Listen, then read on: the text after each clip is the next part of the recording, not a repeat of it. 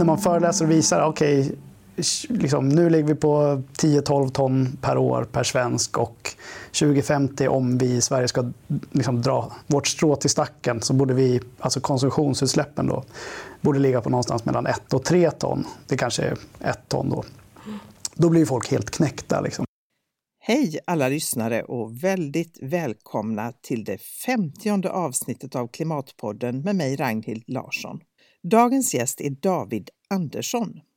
Han är forskare på Chalmers på institutionen för fysisk resursteori och där har han bland annat tittat på vilka faktorer som påverkar hushållens utsläpp av växthusgaser och om det kanske är så att det finns en koppling mellan välbefinnande och höga utsläpp av växthusgaser. David har också utvecklat webbtjänsten Svalna som hjälper dig att räkna ut din klimatpåverkan från konsumtion, boende, transporter och mat.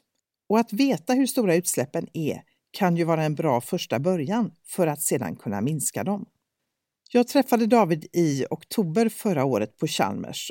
Det blev ett långt vindlande samtal om vad som egentligen kan styra vårt beteende i en mer hållbar riktning och hur mycket vi faktiskt påverkas av normer och vad grannarna tycker. Men också mycket, mycket mer.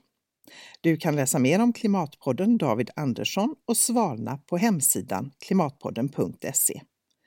Kom ihåg att prenumerera på podden så att du inte missar något avsnitt och följ oss gärna på Twitter och Facebook.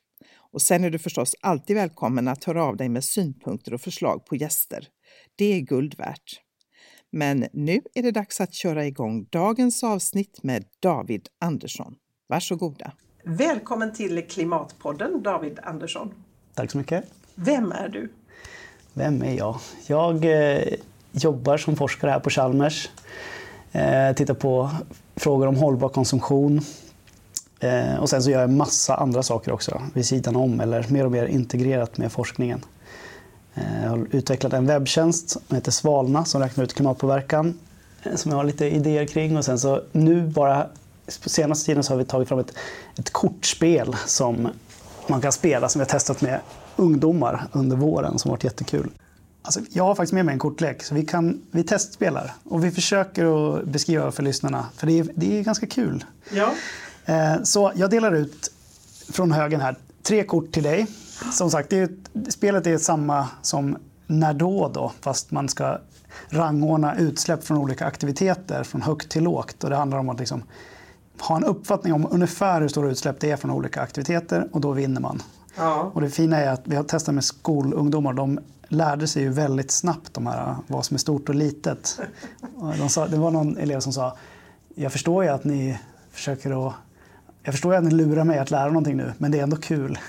då, då var det var ganska, bra betyg. Det var ett bra betyg. Men nu spelar vi. Och, och, jag har tre kort här och det står gympaskor på det ena, så står det elbilen till och från jobbet fem gånger i veckan under ett år.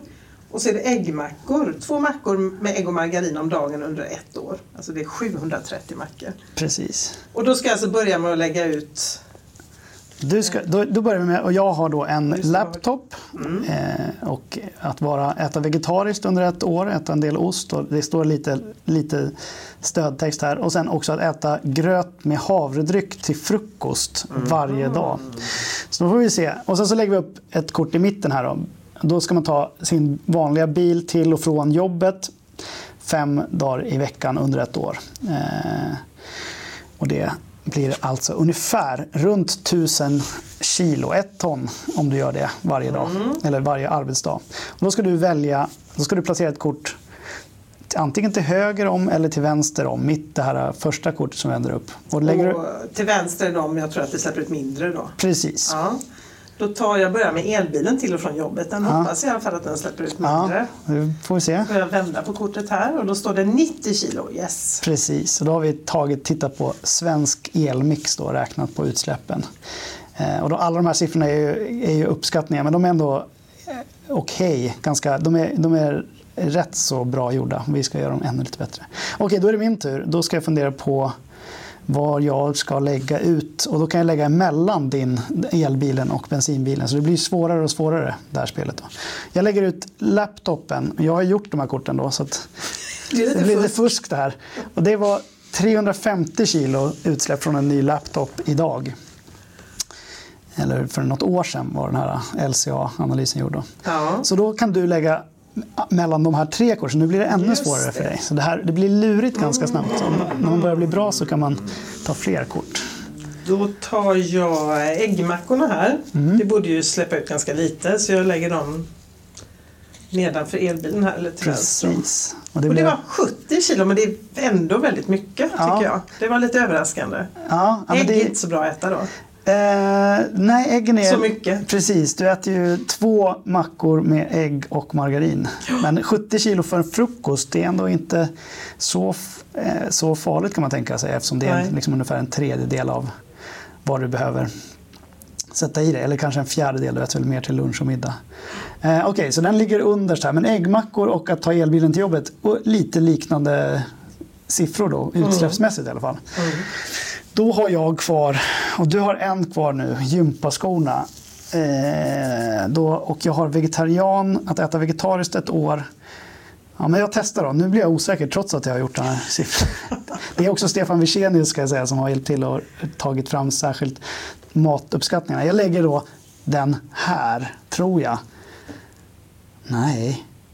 Alltså jag lägger den mellan bensinbilen 1 ton och laptopen 350 kilo. Då får vi se om jag gör fel på mitt eget spel. Nej, jag hade fel! 1200. 1200 kilo per år då, för vegetarisk mat. Okej, då var det fel. Då får jag dra upp. Nu kommer du att vinna här. Slutar vi... Forskar, Då, är, då, forskaren är, får stryk på sin egen kortlek. då har vi gympaskorna här. Ett par vanliga gympaskor i tyg och gummi helt enkelt. Sådana väldigt populära. Och då lägger de här och då släpper de faktiskt ut 5 kilo. Fem kilo. Du, du placerar den rätt och du vann. Yes! Grattis! Tack! Snyggt! Nu får du spela den här hemma vid och fortsätta. Ja, verkligen. Väldigt spä- roligt spel. Jag ska genast testa det. Ja, jag kan Och- säga, jag har ju kvar gröt med havredryck här. Ja, just det. Bara så vi har den. För den ska man då jämföra med de här äggmackorna är det tänkt. Då ligger gröt med havredryck på 20 kilo. Så du kan äta, om du äter gröt med havredryck till frukost varje dag så är liksom vår bästa uppskattning att det blir ungefär 20 kilo utsläpp per år. Vilket är ju ingenting. Mm. Nej. Det är jättelite. Ehm, så då finns det mycket utrymme på utsläppsbudgeten till andra aktiviteter. Kan Just säga. det, ha koll på sin budget där. Precis.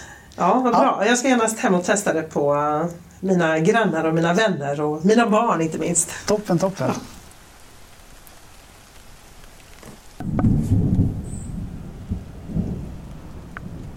Det var en kompis till mig som heter Jonas Kalén som eh, läser pedagogik och då så pratade läraren om spel som en del i lärandeprocesser. Och då visade han ett, ett spel som heter Timelines där man ska bygga en tidslinje. Man ska liksom gissa när olika historiska vad säger man, event har, har skett. När so- saker har skett, Columbus kommer till Amerika och så Ja. vidare. Då ska man placera ut dem i, i rätt ordning och så lär sig barnen att liksom förstå ungefär när, när i historien olika saker har hänt. Och så frågade läraren, om, har ni någon, kan ni komma på någon annan idé som man skulle kunna använda det här spelkonceptet på?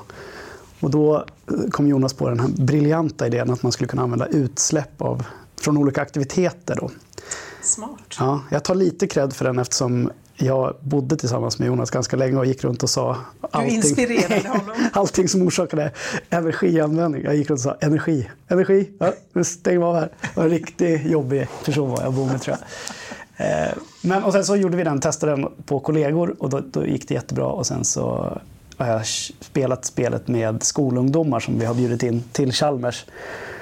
Eh, För att prata om klimatfrågan och liksom deras roll i den och så. Eh, Som har varit jättespännande på alla sätt och vis. Men där kortspelet också har visat sig att liksom det funkar. De tycker faktiskt att det är kul att spela.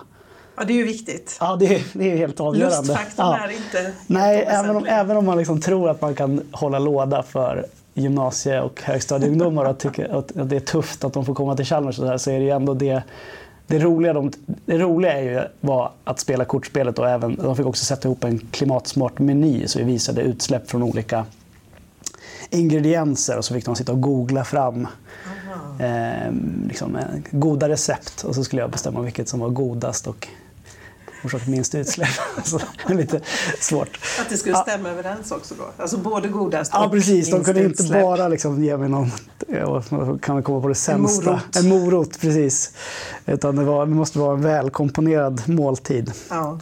Ja, men så, det har jag, så jag håller liksom inte så, inte så bra på har inte varit så bra på att fokusera eh, efter att jag disputerade för ett och ett halvt år sedan ungefär. Eh, på forskning som man egentligen borde göra. Om man är lite strategisk i den här världen så borde jag liksom ha bombat på med eh, artiklar. Eh, men jag har gjort lite annat som jag tyckte känns meningsfullt. Du kanske är en sån här renässansmänniska som är liksom bra på många olika saker. Ja, det låter ju helt fantastiskt. Eller hur? En renässansmänniska, det är jag. Vi, ja. vi slår fast det nu. Det tror på upplysning. Ja, men jag kanske är lite renässansmänniska. Ja, jag tror ibland, för att, eh, ja, ibland, ibland så känns det som att man försöker ursäkta det, att man gör många olika saker. Men ibland tänker jag, nej men det är ju fantastiskt. Men det kanske är som du säger, att det inte är så strategiskt då igen ur ett forskarkarriärssynpunkt? Nej, kanske inte. Det återstår att se. Så är, nu, nu ska jag försöka lägga på ett kol här under hösten så får vi se om det... Och vad ska du göra då under hösten? Jag ska... Dels håller jag på och skriver en metodartikel om, där jag förklarar hur den här webbtjänsten Svala fungerar. Så den är ganska integrerad. Men eftersom det är en del nya idéer där som jag tror, åtminstone när jag fick dem, var faktiskt helt nya. Eh, så de behöver de behöver jag liksom redogöra för och visa att man skulle kunna göra så här i andra länder. Och, och även man skulle, man skulle kunna göra helt andra typer av tjänster eh, som skulle kunna vara spännande. Så det är en sak. Och sen så har vi också... Eh, jag har tittat på rebound-effekten. Känner du till den? Eller jag kan Nej, förklara berätta. Den. Ja, berätta. Eh, man brukar prata om... En vanlig grej är att man pratar om att om man, om man får en, till exempel en snålare bil som drar mindre så kör man mer eftersom det, det blir billigare att åka. Så då kör man mer. Och det, är liksom, det har man undersökt eh, genom att titta på liksom, aggregerad data på bränsle, hur mycket bilflottan drar och hur, bilpriser och så vidare. Men vi har en idé om att titta på istället vad som händer när man faktiskt byter bil. Alltså man byter från en bil som drar mer till en bil som drar mindre. Vad händer då eh, med vanliga svenska hushåll? Så vi tittade på alla hushåll som bytte bil 2009 var det. Både de som bytte till en bil som drog mer och de som drog till en bil som drog mindre. För att se liksom, vad gör man egentligen då?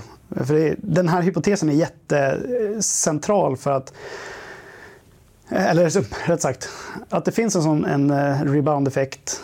Eh, det, det, finns anledning att tro det eftersom det blir billigare och oftast köper man mer av någonting som blir billigare. Då.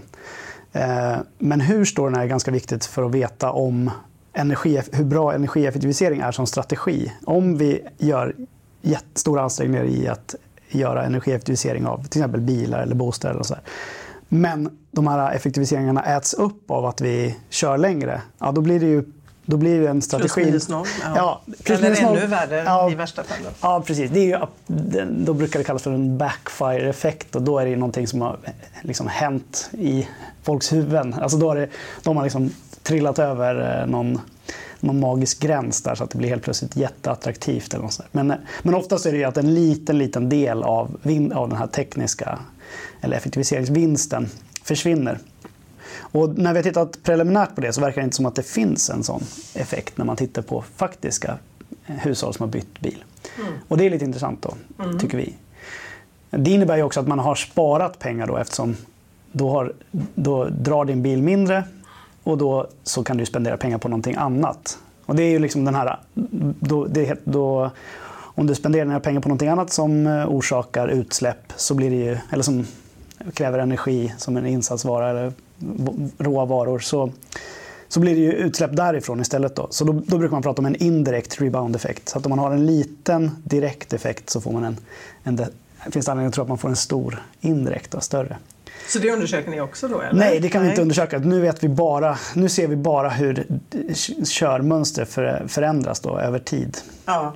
Så, men det är ju det är jättespännande att se vad som händer totalt. Liksom. Vad, det finns en ganska vanlig sån här snackis om att, man, att folk cyklar för att få ta flyget. Eller som att man försöker, man, man försöker att jonglera. Man får cykla väldigt mycket då? Ja, man får cykla väldigt mycket då. Speciellt om man ska åka till USA eller ja. massa precis. Helgresor till Exakt. Barcelona. Eller exakt. Ja, det går nog inte att cykla så mycket. Eller, eller du, ska ha väldigt, du ska cykla väldigt, väldigt långt då, helt enkelt. Hela tiden. Hela tiden. Och så ska du ha anledning att ha åkt så mycket bil från början också. Annars kan du inte bara börja cykla för då funkar det inte.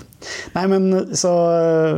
Ja, vad var jag? Tappade bort den lite. Ja, det var jag som avbröt dig. Men eh, ja, Eh, Ja, men det skulle vara spännande att titta. Det är såklart intressant att titta på hela konsumtionen och hur den förändras när, när man minskar eller förändrar sitt beteende från något, någonting. Om man, en del energieffektivisering eller om man eh, liksom gör någon annan livsstilsförändring. Vad händer då som också oftast påverkar det din budget och vad, vad spenderar du då dina pengar på? Och det måste man ju fånga upp då för att få liksom den hela effekten av minskade utsläpp.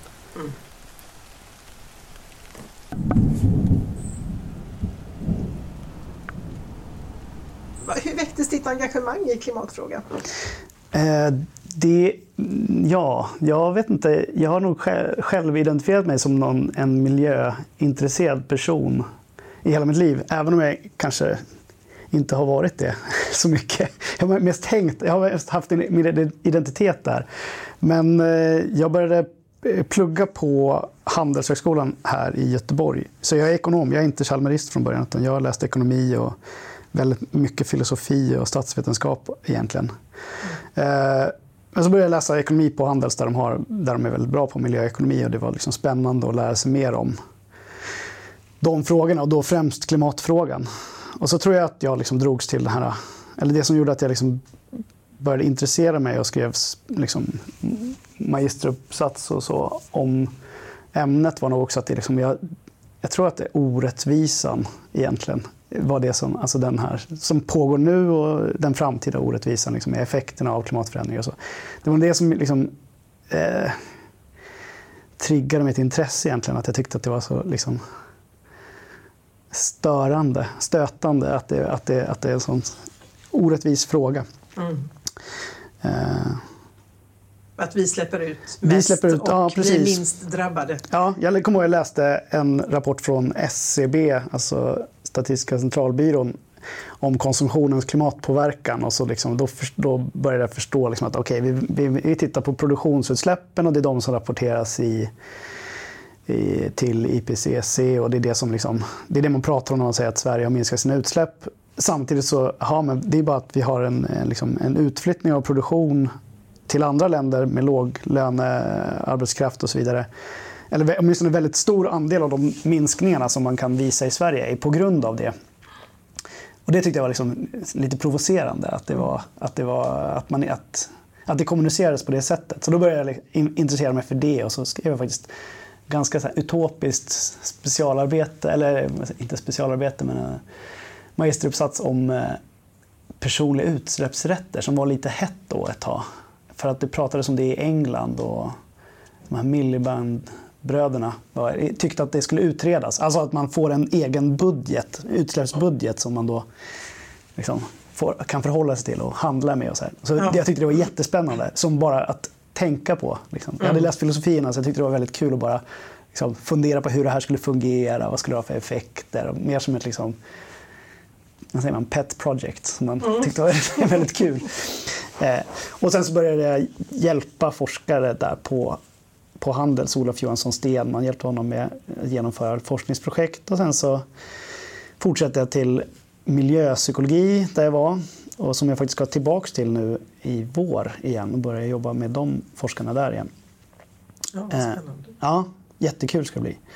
Eh, och sen så hörde jag på omvägar om att man sökte en doktorandtjänst eller man eh, hade utlyst en doktorandtjänst på Chalmers där man accepterade samhällsvetare som Ja, ansökande. wow. Eh, och där man skulle titta på liksom, det var John Holmberg och Jonas Nässén och Jörgen Larsson som var en, som är en, oh just det, en liten grupp som jag tillhör som hade fått medel för att titta på förhållandet mellan välbefinnande och klimatpåverkan eh, för, för, på hushållsnivå. Då. Ja. Eh, och, ja, bland annat och även titta på utsläpp. Är, vilka faktorer är viktiga för att förklara ett hushålls utsläpp och så. Eh, Och så sökte jag den tjänsten. Och eftersom jag hade också skrivit om liksom, metod i lyckoforskning, hur fungerar det, är det tillförlitligt och så vidare. Och det dockade ju ganska bra med det här projektet. Så jag fick jobbet det var tur. Ja, det var skönt faktiskt. Ja, det var ju... Men det är inte helt ovanligt här, här på den här avdelningen att, man, eh, att ni, det är folk med en annan bakgrund? Eh, nej, det, Det är är, väl stycken, kanske va? några stycken nu. Alltså Jörgen som jag jobbar med mycket, han är ju sociolog från början. Så, men, ja, men annars är det, och sen var det när jag började en annan tjej som var ekonom också. Men annars är det nog ganska så många från teknisk fysik så, som man har sitt arv. Så det är, Så du är ändå en udda fågel? Ja, jag var åtminstone en udda få- fågel. Nu kanske vi börjar bli lite mer diversifierade även här. Men det är bra. Det är en jättebra ställe att vara på. Ja, det kan jag tänka mig. Vad, eh, det, här, alltså det är spännande tycker jag, det här sambandet mellan välbefinnande och utsläpp. Då. Kan du säga någonting om det? Hur, hur ser det ut? Blir vi lyckligare ju mer, eller mår vi bättre ju mer vi släpper ut? Eh, Nej, inte i Sverige kan man väl säga. Nej. Eller de flesta i Sverige, verkar där verkar det inte finnas någon koppling. Eh, Om vi tittar på det som en ögonblicksbild, alltså, finns det någon korrelation mellan din livsstil och vilka utsläpp det orsakar och ditt välbefinnande? Eh, och där verkar, då tittade vi, vi mätte alltså oerhört noggrant mätte vi utsläppen från boende, flygresande, ma, eller mat, transporter och så vidare. Och la ner, jag la ner en massa tid på det där. Eh, och sen så ställer vi frå- skickar vi ut och ställer frågor om, eh, ja egentligen när man, sån här väl, alltså lyckoforskning ställer ju frågor om eh, hur mår du just nu? är du lycklig? Alltså det är ganska, ganska banalt kan man tycka, men det, är också, det visar sig också att liksom, om, du frågar, om, om man frågar partnern och ber om en uppskattning om hur bra den här personen mår, då kan man titta på hur bra, hur bra stämmer de här två eh, Okej. svaren överens? Och då stämmer det ganska bra överens. Och det finns väl någon anledning att tro att man svarar man kan ge en bra uppskattning på hur man mår helt enkelt. Att det inte bara är liksom dagsformen man ska säga. Nej. Eh, och ja, nu... Eh, så, och, så att, så att, då ställde vi de frågorna och hade mätt utsläpp bra. Och där såg vi att det spelade... Det fanns ingen eh, korrelation alls mellan de två. Eh, såklart, om, du, om man eh, är arbetslös så är det oerhört negativt för välbefinnandet. Alltså du, känner, du blir av med ditt sammanhang, känner liksom inte menings... Eller det är svårare att känna att du liksom... Ja, det, det är väl dels du förlorar det socialt väldigt mycket, som position och så vidare.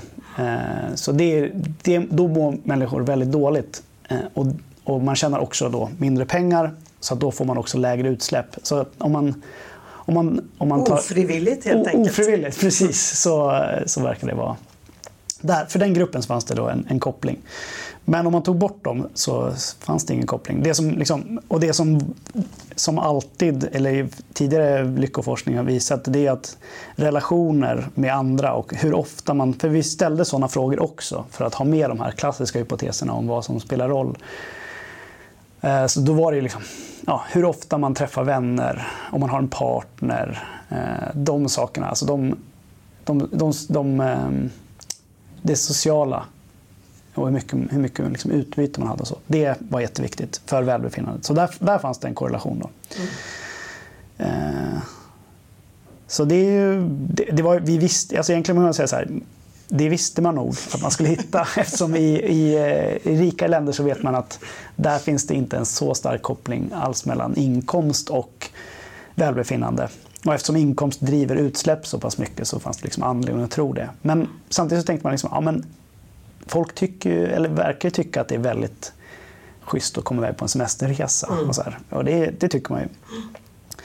Men eh, även om man, tittar specifikt på de som liksom flög mycket då, så verkar, hittar vi bara vi hittar någon väldigt, väldigt svag korrelation mellan välbefinnande och, och flygresande. Men eh, så, det går väl över ganska snabbt också. Man, eh, man kanske tycker att det är kul liksom, innan man ska iväg på den där resan och sen så är det, försvinner det. Ja, men gör man det väldigt eh, ofta tänker jag så blir det ju inte heller så märkvärdigt. Alltså det blir ju också Nej, lite så här vardag. Mm, precis. Ja, och då det, det blir det du inget det. konstigt liksom. Det är bra att du säger det, för att det, det finns ju också forskning som, titt, som har tittat på vad är det man vänjer sig vid. Alltså vad är det du habituerar till? Alltså vad, vad tycker du, vad, är det, vad påverkar ditt välbefinnande över tid och vad gör inte det? Och då är det oftast liksom, eh, konsumtion och såna resor och sånt. Det verkar som att det inte det är någonting som man vänjer sig vid så, så är det inte nå- någonting som påverkar det längre. Men däremot liksom att, att få träffa vänner och sånt, det, det är sånt som du inte vänjer dig vid på samma sätt. Utan den, liksom, den mellanmänskliga kontakten och så, det, det är bra för dig. Liksom.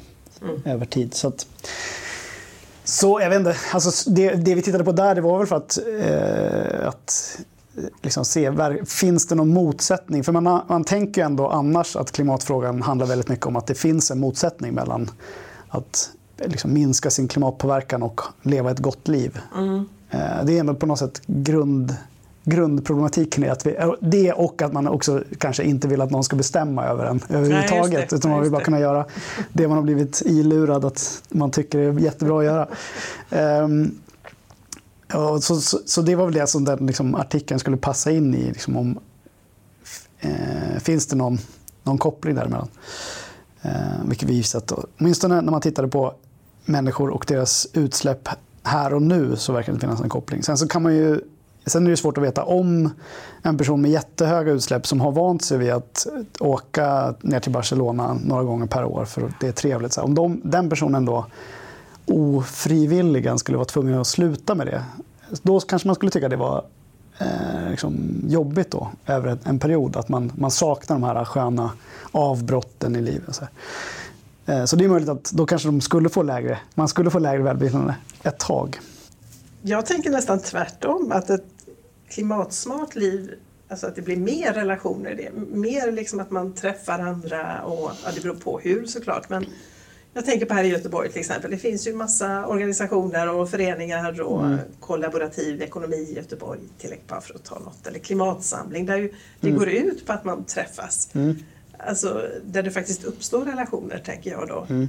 Eh, och, och i, i den tid vi lever där det väldigt mycket är online och väldigt mycket är digitalt så känns det som att det behovet är ännu större av att faktiskt träffa människor. Ja. Mycket kan man ju sköta då själv utan att träffa en enda människa i mm. princip. Mm. Alltså sitta hemma och beställa sin mat och beställa Just det, sant. alltså, och då tänker jag att det här blir liksom lite grann motsatsen. Men, ja. Jo, men för vissa kan det säkert vara så. Vi såg ju inget motsatt samband nej, heller. Då. Nej. Eh, men eh, det är klart att alltså, det kan ju upplevas som Alltså att organiseras tillsammans med andra kan väl upplevas som en jättepositiv aktivitet. Alltså, som, precis som du säger, så jag tror säkert att många saknar eh, också. Och så känns det meningsfullt. Och, så här. och meningsfullhet är ju någonting som är också viktigt för välbefinnande. Det är viktigt i sig skulle jag säga. Men det är också någonting som gör att man liksom är mer nöjd med sitt liv mm. totalt sett. Apropå det, har du klimatångest?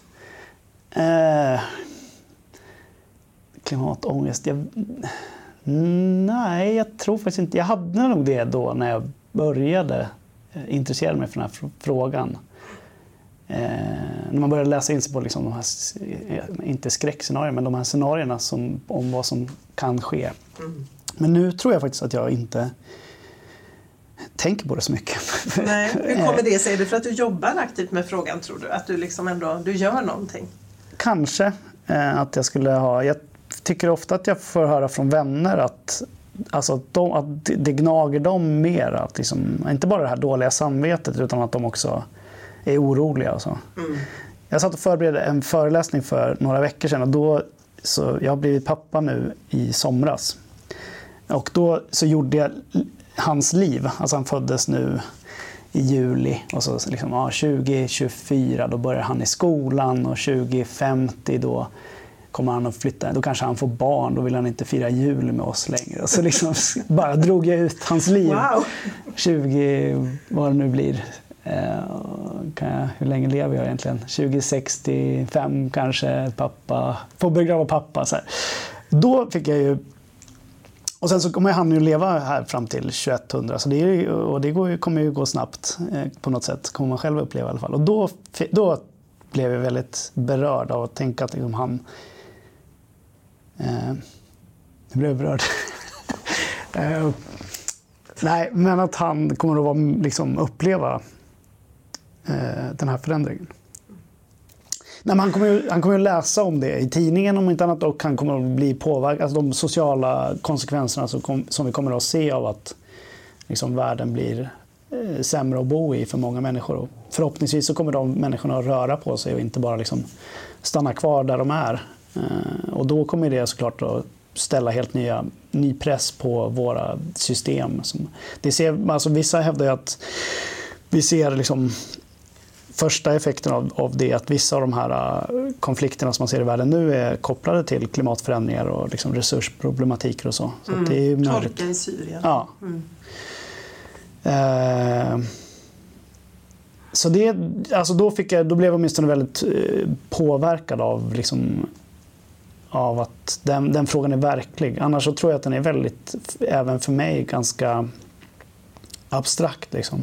Mm. Eh, och man orkar inte ha den i huvudet heller. För det, Nej men det, det går bara... ju liksom inte riktigt. Jag tänker lite att det är som när man eh, själv var yngre och man började tänka på världssvält eller någonting. Mm. När jag var liten var det ju såna här, eh, man samlade in pengar till barn i Biafra. Ja. Man hade en liten pappers sån här bössa man skulle lägga pengar det. i. Och börjar man tänka på det alltså när man var så i tonåren och, och börjar tänka på, alltså det blir omöjligt att existera. Det går ja. inte. Nej, precis, det mest... Så att man måste hantera vardagen på ett vettigt sätt och konstruktivt sätt. Ja. För att annars har man ingen kraft att engagera sig heller. Så Nej, då precis. vill man bara lägga sig ner och dra ett täcke över huvudet. Ja. Eller som en eh, vän till mig brukar säga, gå till baren och beställa en drink till. ja, det är precis. Ingen bra strategi kanske. Nej.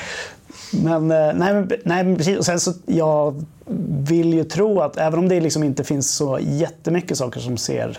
Här, alltså när man tittar på, om man tittar på utsläppen och hur, det, hur, de, hur, hur utvecklingen ser ut så, här, så är det inte jättemycket att, att hurra över än. Men samtidigt så ser man ju väldigt mycket som händer. Och sen så tror jag att liksom, det är väldigt svårt att förutse när vi väl börjar få fart på den här samhällsomställningen som jag tror är på gång väldigt mycket i väldigt många olika delar.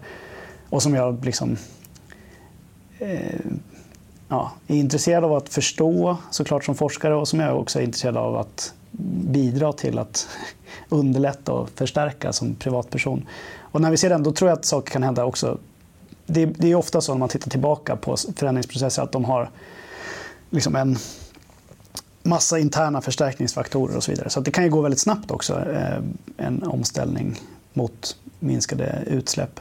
Mm. Så det är, det är, man, man, behöver inte liksom, man behöver inte deppa ihop helt, utan man får, man får kämpa på och se att man är en liten, liten, liten kugge i det systemet istället. Och det är jag liksom helt bekväm med att försöka vara resten av mitt liv, att jobba för den frågan. Alltså det, det, gör ju också på något sätt att, ens, att mitt liv blir mer meningsfullt. Eh, så det är, det är ganska positivt på det sättet. Ja, och att man faktiskt eh, gör det man kan ändå ja. i någon ja. mån. Och sen är ju ingen perfekt, ingen kan vara nej. den perfekta människan som lever helt utan utsläpp. Men, nej, nej, nej men man kan göra sitt bästa. Ja. Eller som Per Holmgren brukar säga att uh, det minsta vi kan göra är så mycket som möjligt. Ja. Och det tycker jag är lite schysst. Jo, att, uh, det är helt rimligt. Och det, det, jag tror ofta att liksom man fastnar där att man tror att man måste göra allt direkt också. Alltså, det är, och det är väldigt många som gillar att säga att liksom, ah, men små bäckar fortsätter att vara små bäckar, det blir ingen stor å. Och så här. Alltså, vi måste göra stora saker. Men om man tittar på förändringsprocesser så är det, liksom, det är lättare att man hamnar i att man slår ifrån sig frågan helt och hållet eller att man eh, liksom, tycker inte att det känns meningsfullt att göra de, där, eh, de här små förändringarna som man faktiskt kan tänka sig att göra för att man inte når hela vägen fram till målet. Alltså när man, när man föreläser och visar, okej, okay, liksom, nu ligger vi på 10-12 ton per år per svensk och 2050 om vi i Sverige ska liksom, dra vårt strå till stacken så borde vi, alltså konsumtionsutsläppen då, borde ligga på någonstans mellan 1 och 3 ton. Det kanske är 1 ton då. Då blir folk helt knäckta. Liksom. Mm. Hur ska det gå till? Ja, hur ska det gå till? Och så tittar man på där lilla, lilla, lilla eh, tårtdiagrammet jämfört med den ganska stora tårtan bredvid. Mm. Och det kanske är dumt att visa den bilden, men jag, jag tycker att man, liksom, man måste fatta att det är jättemycket som kommer att hända i bakgrunden eh, också. Alltså som gör att att dina utsläpp kommer att minska av sig självt. Alltså du har en, en, liksom, Vad tänker en, du på då? Ja, men du har en energieffektivisering i, i produktionen till exempel som bara har, som, eh, ramlar på hela tiden. Och, alltså, om vi behöver om man tänker att vi skulle behöva minska våra utsläpp med ungefär 5% per år eh, från nu i genomsnitt. Och så har du den här energieffektiviseringen på kanske 2 Det är ju två, då är det 3% kvar. Men alltså, hittills har vi ökat vår konsumtion med ungefär lika mycket som energieffektiviseringen har varit. Ja, så då har, det, då har, man liksom ätit upp det där. Mm. Där kommer den där rebound-effekten in också. Då. Eh, men det är, inte, det är inte omöjligt och det är inte omöjligt att den förändringen takten skulle kunna gå snabbare. Alltså, den här, alltså att man... Ja, rena fossilfria energikällor i produktionen av de saker som vi köper Eh, och liksom effektivisering i transportled och allt möjligt.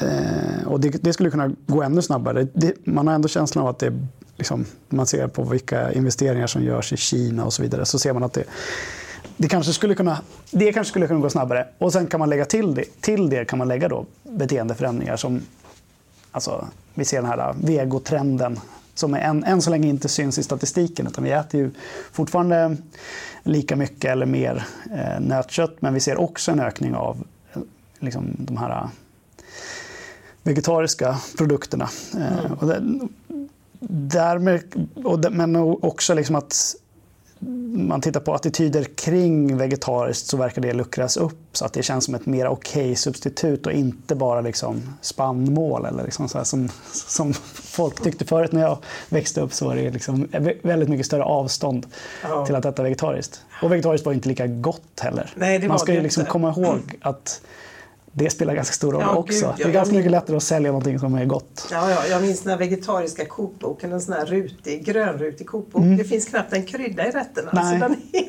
och alltså, nej, den är, det, man blir inte sugen på att äta vegetariskt kan jag säga när man läser det här. Nej, ibland... Det hade ju verkligen hänt mycket. Ibland så är det nästan så att det liksom har hängt ihop med någon slags självspäknings... Just det. Jag gillar att plåga mig själv.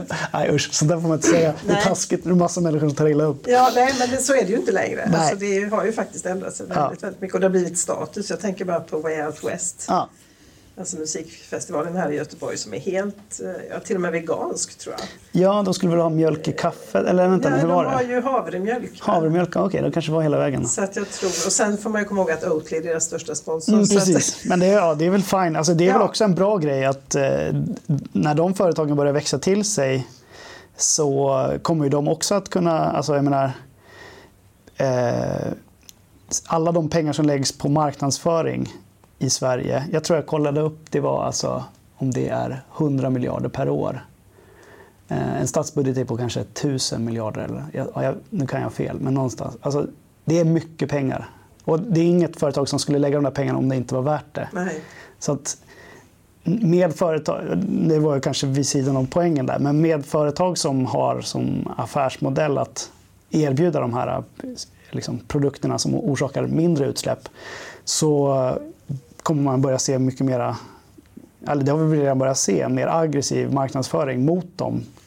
Alltså Oatly, var det Oatly och Arla som hade en liten ja, beef till exempel? Ja. Ja, men alltså, och det kommer ju också, reklamen påverkar oss jättemycket och när vi börjar få reklam för andra produkter som vi dessutom, som väldigt många också liksom, efterfrågar och tycker känns eh, positivt och så, då, då kan man ju få då kan det ju få väldigt tror jag, eh, starka effekter på alltså, beteenden och så. Alltså då sprids de här normerna som kanske har funnits bara i, i små i små grupper tidigare till större grupper. Och det, börjar, det är väl det som här sker in på matsidan mm. nu en del. Eh, så det tror jag bara...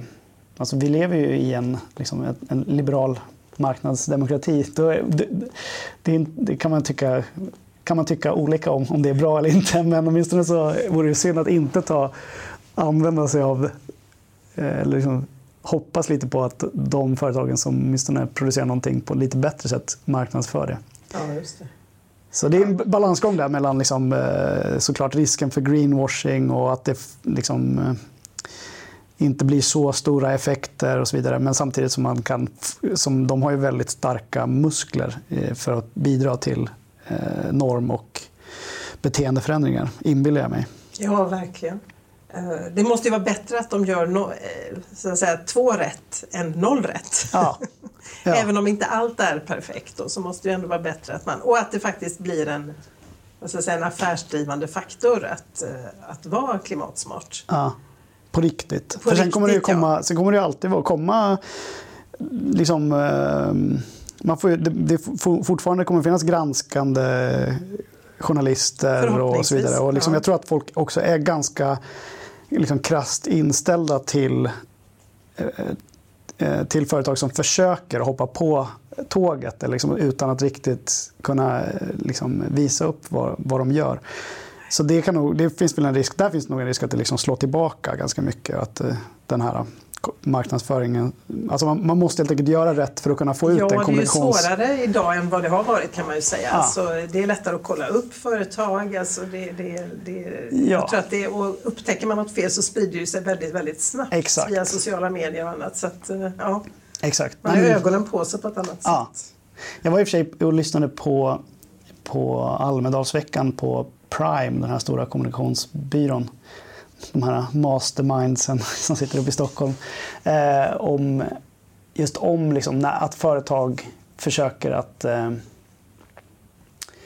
försöker att kommunicera eh, samhällsfrågor. Alltså, det kan vara liksom, jämlikhetsfrågor eller ja, klimatfrågan eller någon annan fråga som, där de kanske ser ett liksom, intresse att koppla sig till den frågan och att det liksom, funkar bra med deras varumärke eller vad, vilken anledning de nu har. Men där det finns väldigt stor risk att de, även om de gör någonting rätt, så kan de ändå bli liksom de kan ändå få, det är så lätt att klistra på dem den här uh, greenwash eller vilken wash det nu är som man anklagar dem för. Och så blir de istället, de, de gör någonting där de försöker då faktiskt engagera Gör sig, göra någonting bra och så får de skit ändå för att det är så lätt att vara högljudd på, i sociala medier och så vidare. Och så liksom, vågar de inte längre. Och det är också en liksom, intressant... Eller det, det, känns som en lite farlig utveckling då. Att, de, att nu när man väl har... Liksom, när företag vill kommunicera runt de här frågorna och inser värdet av det och så vidare. Man kan kanske få den här extra skjutsen så eh, börjar de bli rädda för att det kan kosta för mycket liksom, marknadsföringsmässigt för dem om någon liten miss. Liksom.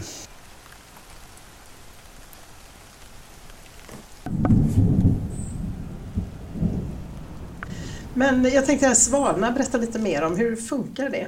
Hur funkar den tjänsten? Just det, det måste jag få berätta om. Eh, jo, men det, alltså, det är egentligen, det här kommer tillbaka till den här eh, renässansmänniskan, för jag tror egentligen att ursprungsidén är ju att hjälpa människor att få en liksom, personlig ingång till klimatfrågan. Att förstå vad är stort och litet i min konsumtion. Det varierar ju jättemycket beroende på liksom, hur mycket du tjänar och var du bor och allt möjligt. Och, Eh, men om du får liksom, en förståelse för okej, okay, så här stora utsläpp orsakar jag idag. Det här är målen eh, på lång sikt. Och det här, ungefär så här mycket skulle jag behöva göra för att liksom ligga i linje med någon slags målsättning. Alla sådana där, jag vet inte, vi har inte kunnat liksom verifiera de här idéerna, men alla de där eh, konkretiseringarna av, av den här frågan tror jag bidrar till minskad eh, klimatångest och liksom att det känns som att någonting som man inte ens kan hantera eller där man inte kan vara en agent eller göra någonting själv. Alltså det, det, det blir väldigt, väldigt konkret. att så här, ah, okay, så, här mycket, det här, så här mycket innebär det om du gör de här olika. Vi har då, systemet tittar på vad skulle du kunna göra och så sållar man fram några förslag på investeringar eller beteendeförändringar och så visar man vad, ungefär hur mycket utsläppsminskning skulle de innebära för dig. Eh, så det är idén egentligen, att hjälpa människor att få... Jag tror att det är lättare att liksom förstå och börja tänka kring eh, den här frågan på ett mer konkret sätt om man liksom går via dina utsläpp eh, än Sveriges utsläpp. Och ja. det här, de, här utsläppen från, abstrakt. ja, de här utsläppen från industrin är så här stora, det här behöver göras. Vad ska jag göra åt det? Ja. Mm. Så även om liksom, jag får jätteofta den här... Eh, liksom, många blir ganska provocerade av att nu lägger du allt på individens axlar och så vidare. Liksom. Ja. Nej, det har vi inte gjort. Utan vi vill bara hjälpa människor att få liksom, en, en bild av vad som är stort och litet. Sen håller vi i och för sig, liksom, verkar det finnas eh, intresse för att liksom, det finns några företag här i Göteborg som är intresserade av att testa att göra liksom, alltså att företagen bildar som en, en plattform på Svalna Eh, där de kan ha som en motsvarande steg, stegmätartävling ah. fast hållbarhetsmässigt. Då, där de kan köra kampanjer med att ja, men nu, den här veckan kör vi vegetariskt, den här veckan så cyklar vi och så vidare. Liksom. Och det är lite mera peppigt och så här, att man gör det under något halvår. Och vi håller på att fundera på hur man kan koppla ihop det med att man liksom kommunicerar frågan. Alltså med, man kan ju ha liksom, presentationer och workshops och man kan lära sig mer om, om, om klimatfrågan. Alltså de, de anställda kan lära sig mer. Så man får liksom se upp något större koncept under kanske ett halvår då man jobbar tillsammans. Och det verkar finnas väldigt stort intresse för. Ingen aning om det kommer funka eller inte. Men det, det verkar Spännande. Det, men, men, det blir alltså det här lite positiva tävlandet då på något sätt. Alltså ja. Jag börjar tänka på en sån här träningsapp eller... Ja precis, det ja, blir du vet, Jag har målet att uh, få så här mycket bättre kondition eller ja. gå ner så här mycket i vikt eller och så ser man väldigt tydligt, det är ju väldigt svårt att börja prata om då fetma i allmänhet. Liksom. Ja, nej, precis.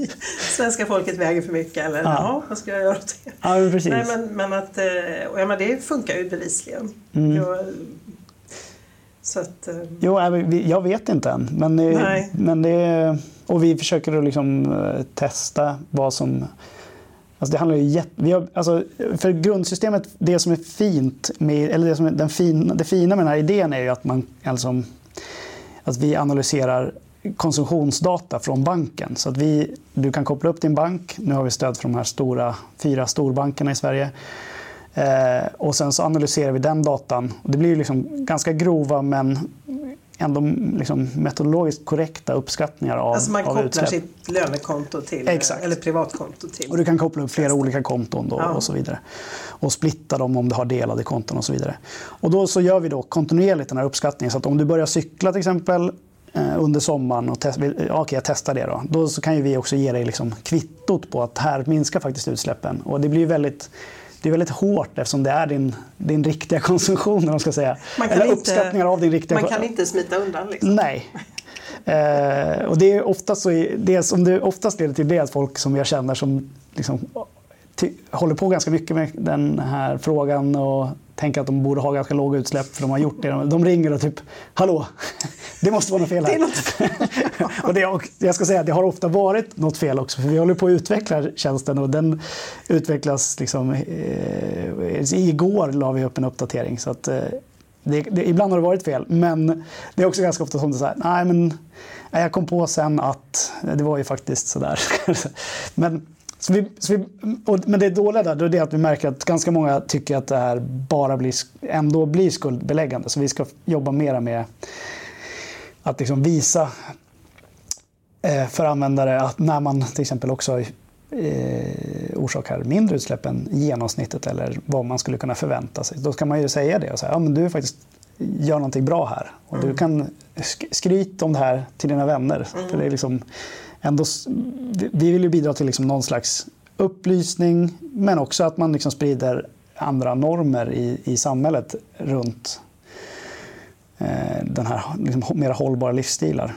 Och Det är också det som jag tycker som från, alltså för Svalnas idén är ju att hjälpa människor eh, att få koll och kanske också hjälpa dem att samarbeta och eh, även kanske liksom koppla ihop företag och kommuner med människor och så vidare. Så att Alltså Göteborgs stad hade, de här, eller har, men vi har inte kommit igång med det, planer på att de också vill liksom kunna coacha och peppa eh, privatpersoner. Som, för det blir lätt för dem att kommunicera med människor som redan har bestämt sig för att de vill göra någonting själva. Mm, man når dem redan frälst. Ja, men precis.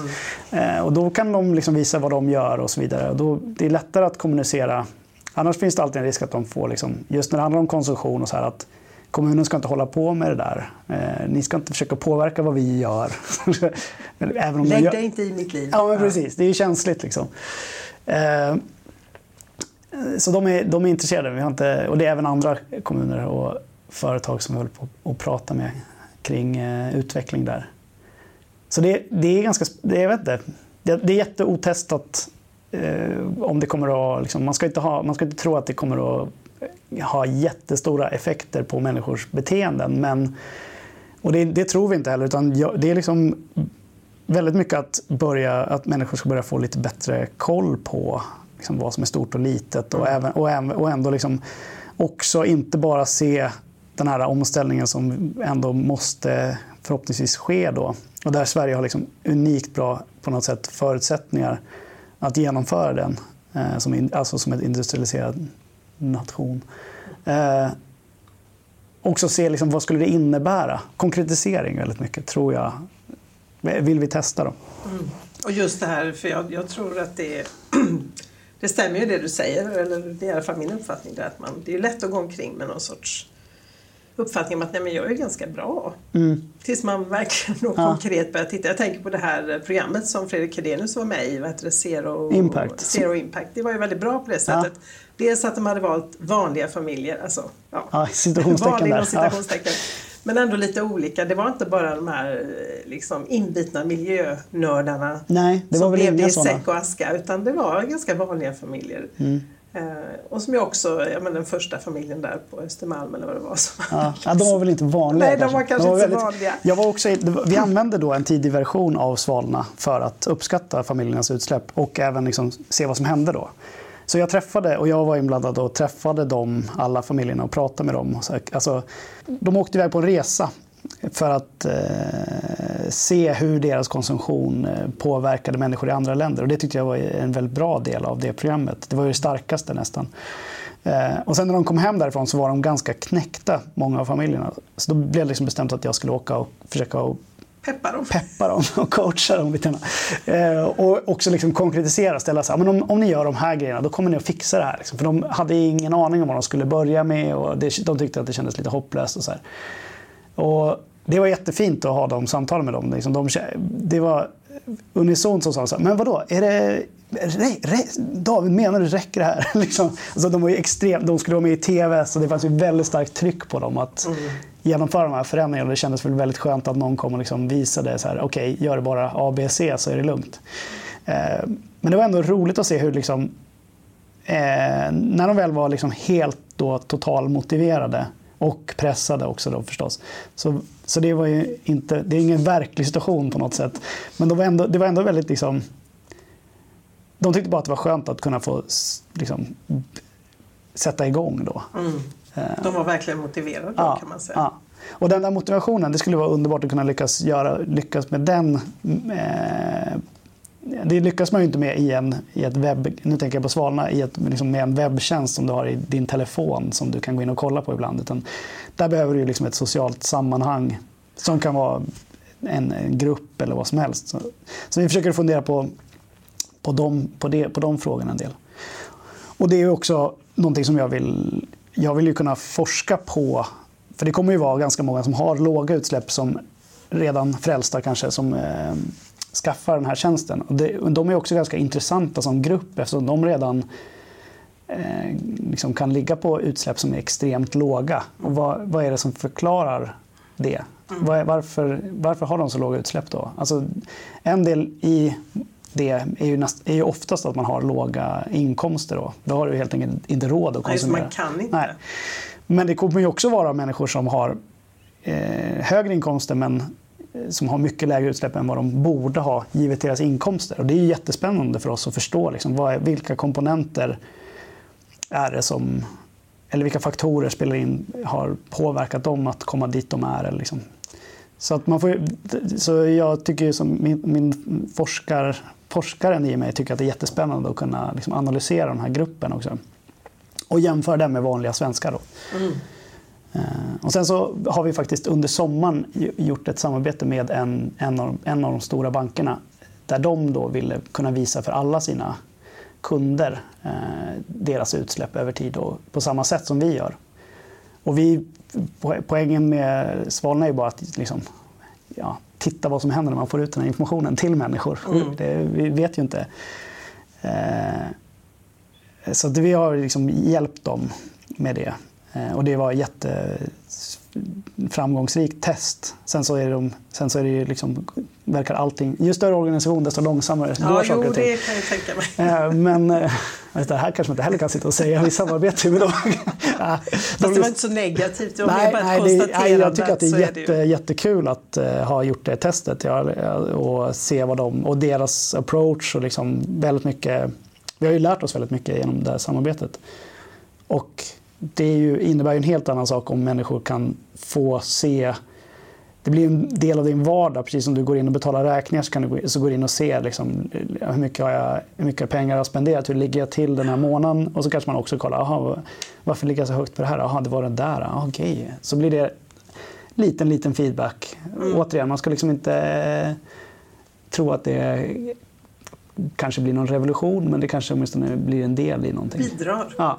Och jag tänker det här att man, det blir som en budget, helt enkelt en vanlig hushållsbudget. Ja. Att ja, men jag kan inte spendera mer. I och för sig så kan man ju idag spendera mer än man har för man kan ja. ta lån och ja, krediter. och det är väl det vi håller på med på kanske det här området också. Ja.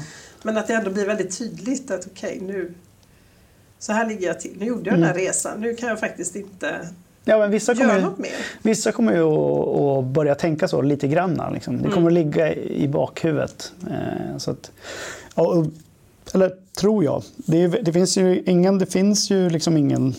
Det finns ju massa test som man har gjort forskning på när man har gett människor feedback och liksom använt olika typer av... Eh, man har liksom, ja, men du känner, eller lyssnarna känner säkert igen exempel på liksom, Eh, man har fått reda på hur, ens el, hur mycket el man använder jämfört med grannarna. Och, så här, och att det har liksom väldigt starka effekter om man ligger över grannarna. Och så här.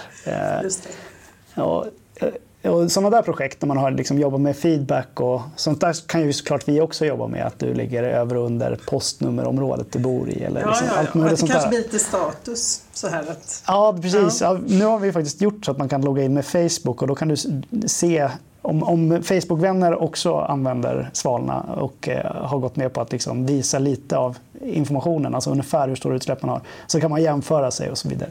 Kul! Ja, jag har ingen aning om det här funkar. Jag själv är ganska, har varit liksom ganska krasst inställd till hela gamification, för att det känns lite som ett lur. Liksom, att man bara lurar folk att bli klimatsmarta. Inte för att jag, det funkar så fine. Då spelar det väl ingen roll? Nej, nej, nej, verkligen. Man måste vara pragmatisk. Men, men jag har kanske tänkt att det är eh, finns mycket andra liksom, krafter i samhället som eh, kanske verkar åt ett annat håll. Så att där har man kanske inte så god chans. Det snarare handlar om någon slags upplysning.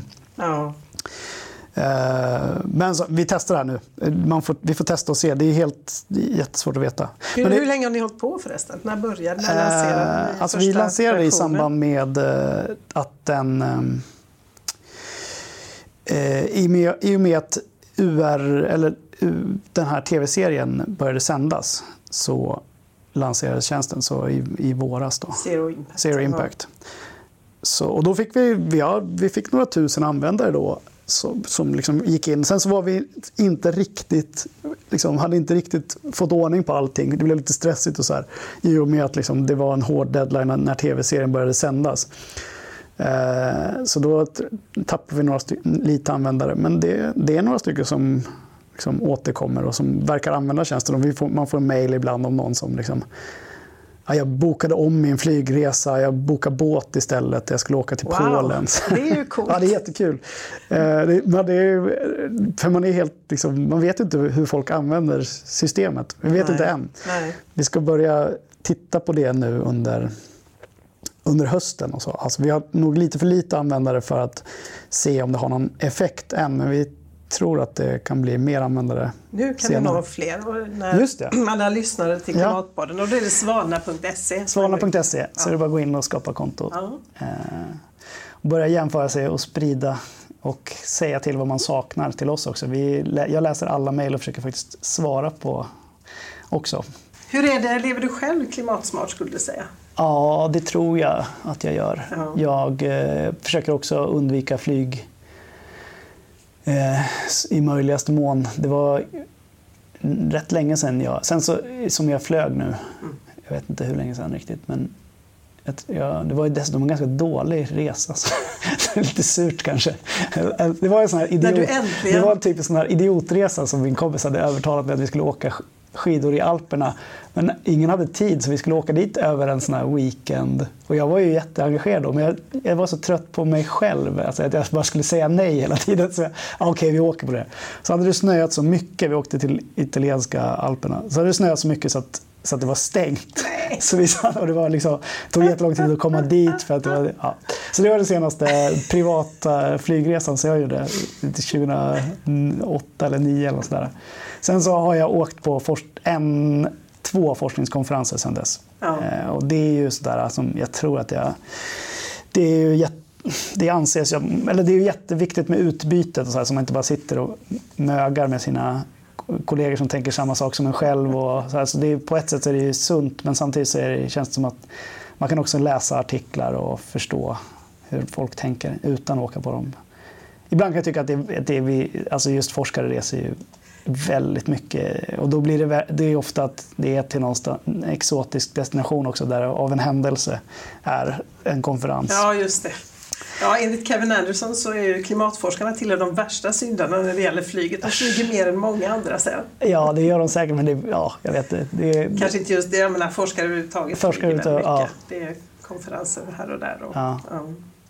Men det kanske är, man väntar ju lite på att det ska hända någonting där. Jag är lite förvånad över att inte fler Ja men Skype och visst att man ibland behöver träffas men att man kanske, ja, och på närmare håll och vad vet mm. jag. Det går ju att resa på andra sätt, inte överallt såklart. Ska man bort till Asien är det lite svårt. Och, ja.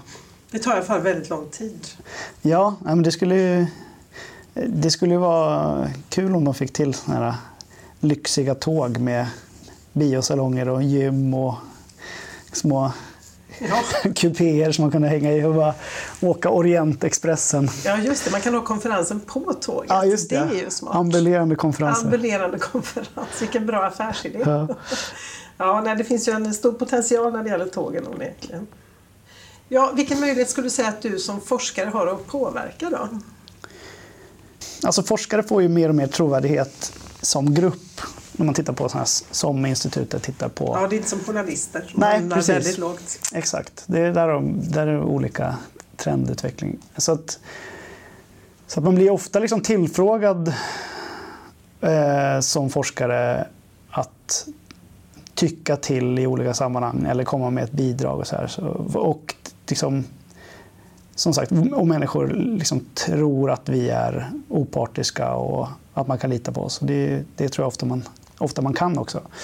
Eh, så där, där skulle man säga att man har, alltså jag själv vet inte vilket liksom impact jag har, eller vad man ska, men jag tror att som forskare som grupp har ett ganska stort genomslag i samhällsdebatten.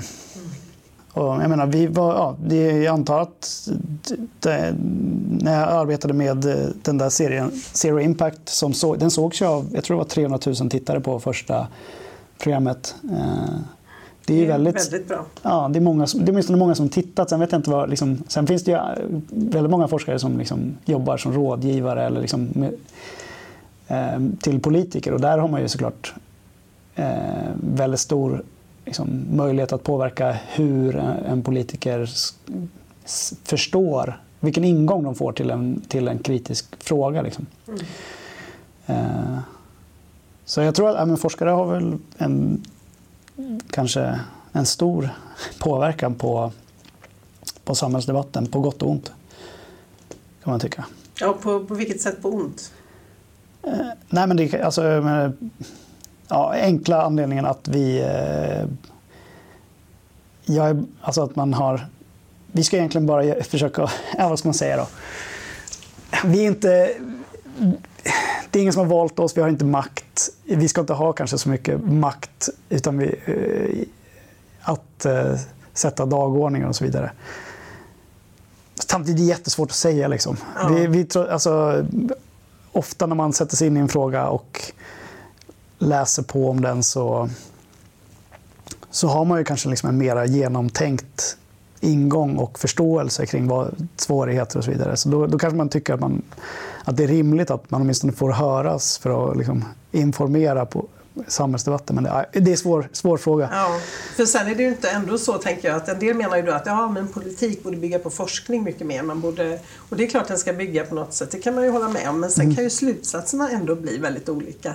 Ja. Eh, jo, det, precis. Alltså, alltså vi, vi är, man kan väl säga att de flesta vettiga politiker eller så här, är väl ändå överens om att okej, okay, vi har ett problem, vi har klimatförändringar. Mm. Men sen exakt hur man ska göra för att få ner de där utsläppen ser ja. ju faktiskt olika ut. Absolut, och ska vi minska dem i Sverige eller ska vi försöka minska dem i andra länder? Eller ja. är det rimligt att vi går före eller inte? Alla där är ju, det är ju värdefrågor, det kan inte vi liksom svara på. Eh, man kan ju forska kring, liksom, har det någon Finns det anledning att tro att om ett land som Sverige väljer att minska sina utsläpp mycket, det, liksom, kan det sprida sig till andra länder? Det. Är det positiva exempel? Hur, hur viktiga är de? och så vidare. Det kan ju då också vara information till politiker om att okej, okay, det kanske finns någon liksom, eh, multiplikator här på att vi gör någonting. Mm. Eh, så det, det, kan man ju som forskare sysslar med. Men det är också väldigt svårt, alltså det är, även om man försöker hålla sig och försöker akta sig för den makten man har på något sätt eh, och pass, liksom, försöka särskilja sig själv som privatperson och vad man tycker och i forskarrollen så väljer man ju ändå vad man, vad man forskar på. Absolut. Och bara det spelar ju ganska ja, stor roll. Liksom. Och jag menar, totalt objektiv kan ju ingen vara. Alltså, det menar man ju även inom, har jag förstått, väldigt så här, strikt naturvetenskaplig forskning. Att man faktiskt Mm. menar att det finns alltid en påverkan av människan ändå. Ja, så ja. individen. Ja, nej, precis. Jag, ja, det, är en svår fråga, men Ja. Och hur man lever tänker jag. Alltså, det är inte helt, eh, jag menar en som Kevin Anderson, det är ju inte helt ointressant att han faktiskt har slutat flyga. nej. Det gör ju honom i mina ögon mer trovärdig på något sätt. På, av, av någon underlig anledning så, så tycker man att det är liksom... Är, För det finns ju motsatsen också. Det Ja. finns ju, jag känner klimatforskare som flyger jättemycket, både privat och... eh, Ja, ja, ja. och, Nej, men det, eh, det, var, det är väl en jättevanlig inställning att eh, liksom, det här är systemet som ska fixa det. Eh, Politiker måste börja eh, liksom, beskatta det här. Eller så här. Det spelar ingen roll vad jag gör. Nej visst, det gör ju inte. Du är bara en liten myra. Liksom. Det spelar ingen roll alls. Men här, det, det, är, det är någonting lite underligt med det. Att tro, att sätta sig själv helt utanför det systemet. Att man inte... Alltså att politiker kan inte heller göra ett dugg om de inte tror att de har stöd för det. Nej, nej. Alltså kanske i ett Sverige för 40 år sedan att eh, liksom, eh, sossarna och eh, LO och arbetsgivarna Ja, kunde sätta sig i ett rum och bestämma sig. Ah, men nu bygger vi vattenkraft här. Nu, vi höjer skatten och så kör vi. Eller kärnkraft. Eller liksom. eh, om det nu var bra vet jag inte. Men nu åtminstone så är ju politiker jag menar, de konkurrerar ju om, om väljare i mycket högre utsträckning och, ser vad som, och försöker hela tiden manövrera kring vad som är möjligt och så vidare. Men vi- vissa skulle ju säga att man, liksom, politiker kanske försöker för mycket att manövrera kring att, att de har blivit liksom slavar under att, att se vad som är Går hem. Ja, precis. Att, att om man börjar tänka för mycket på det här då förminskar du helt enkelt utrymmet för vad du kan göra. Mm.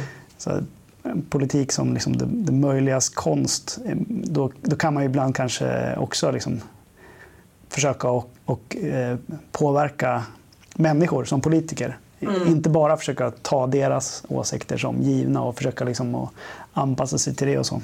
Nej. Ja, det är klart, det gör man ju. nu. Eh, Mm. Nej, men det är ju svårt att säga att jag tycker alltså, när man pratar om det här, vems ansvar det är att fixa det här så är det ju det är väldigt svårt att säga att det är en grupp. Liksom. Det är Ja. politikerna, det är medborgarna, eller det är forskarna, Ja, det ingenjörerna, ingenjörerna, löser detta, precis. industrin löser detta. Alltså, det är ju, det är ju jätte, jätte, det måste, på något sätt känns det som att det måste väl vara alla. Ja, det är, det är sån själv... I alla fall om man tror på någon sorts demokrati också tänker jag att då borde man ju se ändå som individ. Jag, men visst kan man hamna i tvivel. Om jag tar tåget till London kan jag tycka så här, är jag lite dum i huvudet eller? Det kostar mer, det tar längre tid. Ja. Alltså varför flyger jag inte som en majoritet faktiskt Ja. skulle göra? Ja, visst, men det, det, din frustration är ju, liksom ett, och är ju på ett sätt viktig där. Alltså det är bra att du blir irriterad på det. Nu, nu orkar du göra den här podden på grund av bland annat sådana saker kanske. Ja, absolut. Alltså det är ju... Det, eh, man, den, alltså jag tror att det finns jätte... En, en liksom ganska stor energi i den här klimatångesten och irritationen och så här, alltså, som man vill som man, som, som man kanske vill frigöra på något sätt eh, och liksom hitta metoder. Det har ju varit ett sånt, alltså att eh, liksom klimatförhandlingar på internationell nivå, hitta samförstånd, eh, förhandla fram ett avtal och sen ska alla politiker gå hem till sina länder och försöka sälja in det här. Eh, ingen är liksom bunden till någonting egentligen och alla kan, det kan bara... Det, det är ju det är ju väldigt liksom, vad ska man säga, top-down och där man har liksom haft en kanske lite endimensionell bild av hur kan man, genomföra, hur kan man liksom uppnå förändringar. Det, Alltså det, det är jätteviktigt till, att man ska koordinera vad man gör internationellt. Om ett land gör någonting eh, och ingen annan gör någonting så är det bara... Då, då, då, det, det, liksom, har ingen, det har en väldigt liten direkt effekt.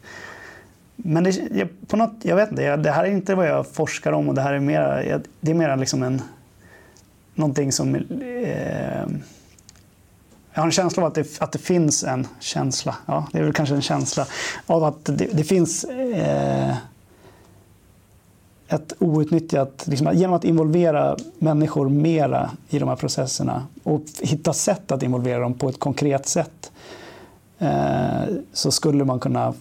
Då skulle både politiker kunna få det här stödet och trycket att genomföra förändringar. Mm. Alltså nu, nu ser vi liksom en, en, eh, ett förslag om en klimatskatt på flyg som är ganska liten, som kommer inte ha någon större effekt egentligen, men som är, orsakar världens liksom, rabalder. Och det, ja, det är helt obegripligt. Ja, det, jag tycker också det. Eh, alltså det, den är inte alls perfekt. Liksom. Och det, är, det är ju så det blir när man går från eh, till vad som är framkomliga vägar politiskt. Eh, skulle jag tippa på. Men den är ändå ett, ett rätt bra steg i, eller ett, ett steg i rätt riktning i alla fall. Ja, det är en början. Då har man infört någon sorts modell som gör att man sen kan öka den skatten. Ja, kanske. Kan man ju hoppas. Ja, det kan man hoppas. För jag tror som den är nuvarande utformning så är det ju, kommer det inte vara något revolutionerande egentligen. Nej. Eller alltså, det, det kommer inte påverka människor jättemycket, tror jag. Och jag tror inte heller att det är så att folk kommer att... Alltså att liksom, man pratar ibland om att det finns en signaleffekt av skatter som är, skulle vara stark. Men jag vet inte om jag... Alltså att, alltså att kostnaden skulle vara en sak, men att man också skulle, i och med att vi börjar beskatta flyg, så skulle folk förstå att det var dåligt. Och så skulle man tycka att oj, då blir det beskatta lite mer kanske. Ja, men det, man brukar separera de där två. Ja. Och det, jag vet att när jag läste ekonomi så pratade vi väldigt mycket om det här, men jag förstod aldrig riktigt liksom, vad, är, vad är det vilken eh, signal är egentligen? Vi, vi beskattar ju allting. Mm. Vi beskattar ju arbete och all, liksom allt möjligt. Vad är det för signaleffekt som vi tror att vi får här? Så, men däremot så tror jag att liksom, det, finns väl, alltså det finns ju liksom andra styrmedel som kanske har en eh, starkare normgivande effekt eller som liksom har, påverkar normer i samhället. Och det är ju, alltså, om, man, om man med ett styrmedel lyckas påverka normer så att det blir mindre accepterat att göra någonting eller mer accepterat att göra någonting, då har man ju, där får du en jätteskjuts på styrmedlet. Liksom. Du vill ju gärna synka så att du, lägger, alltså att du har styrmedel som förstärker en norm som är kanske på gång eller något sånt där. Mm.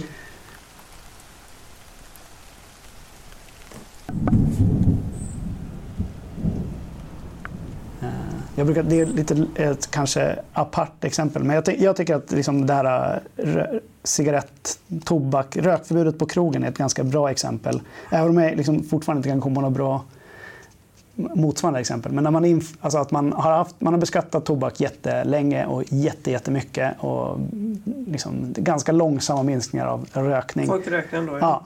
Och sen så började man, införde man det här eh, rökförbud på krogen. Och helt plötsligt så går liksom tobaksrök från att vara en del av en ganska trevlig utekvällsupplevelse och någonting som man bara hade i kläderna när man kom hem. Ja. Så var det någonting som folk, började, alltså folk som inte rökte då är liksom, blir lite irriterade av. Och nu behandlar vi rökare som skit. Liksom. Alltså de, får, de ska stå ute i regnet. Det är när de, de står i små bås. Ja, exakt. Och, liksom, det är verkligen så här, shame on you. Ja, alltså där har man ju, och, där, och då, alltså, eh, jag tror att det är Socialstyrelsen som håller koll på, tittar på det och liksom inför det. Och så. Och där såg, de såg att det, då började rökning minska ganska mycket. Mm. Eh, och de planerar inte att göra något annat nu för att de tycker att det här verkar vara på, på väg åt rätt håll. Liksom. Så, utan att jag vet om någon har tittat på det och liksom försökt koppla ihop det kausalt så verkar det ändå som att det, det har haft en ganska stark effekt. Bara genom att ta bort det från mm. rummet. Liksom. Alltså, du, det är inte en del av din vardag längre och då blir det någonting som du... Blir... Det är mycket svårare helt enkelt. Ja, Ja, precis. Alltså det, rent, eh, rent faktiskt. Ja, precis. Ja, det, det är det.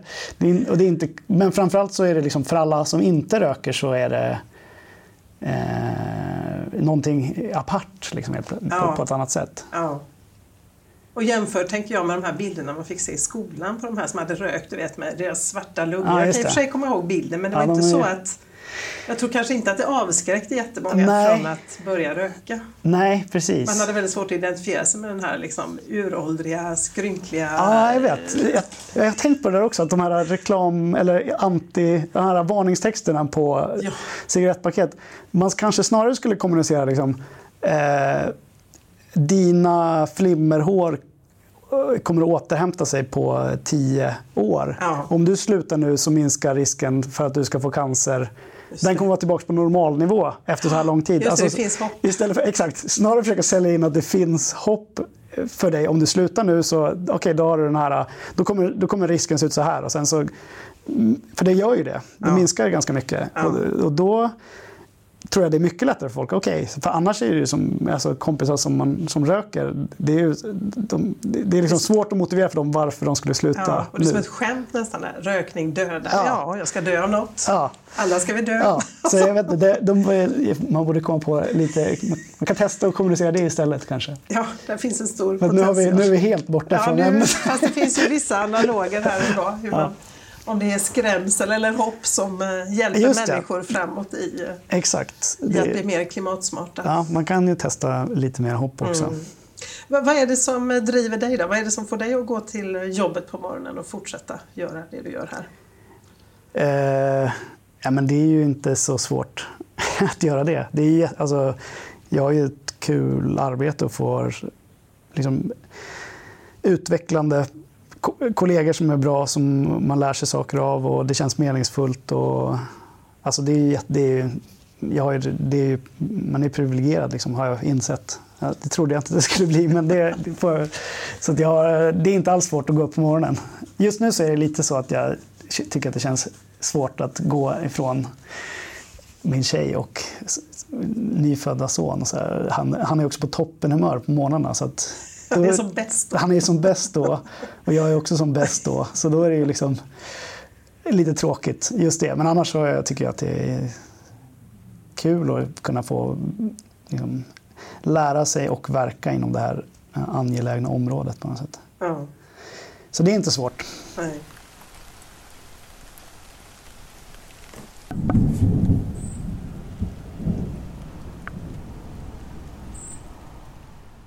När det gäller din forskning då, vilken fråga är det du egentligen vill hitta ett svar på? Om du har någon sån här grundläggande fråga som du...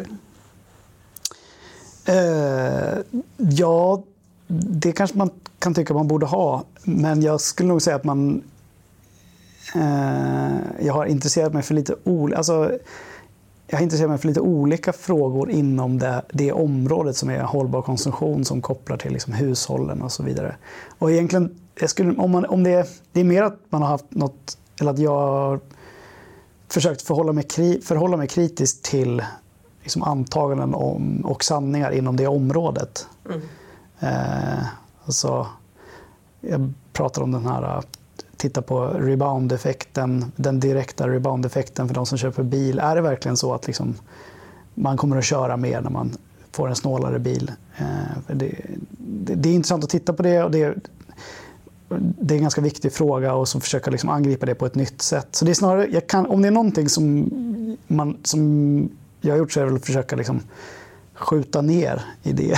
Ganska tråkig stil kanske. Men att liksom försöka granska och också liksom, okej vi tittar på hushållens eh, klimatpåverkan. Eh, vad, vilka faktorer är viktiga om vi, om vi faktiskt mäter hushållens klimatpåverkan noggrant? För det finns väldigt mycket liksom inom psykolog, miljöpsykologisk forskning som där man försöker att uppskatta liksom, vad som är viktigt eh, och där man kanske använder en proxy som att man sopsorterar för att försöka förklara vilka, vad som är viktigt. Och då är det lätt att man hamnar i miljömedvetenhet eh, och att man identifierar sig som att man är en miljövän. Och så. Det är jätteviktigt. Och då kan man ju tro att ja, men då är det det vi ska jobba med. Vi ska försöka få det.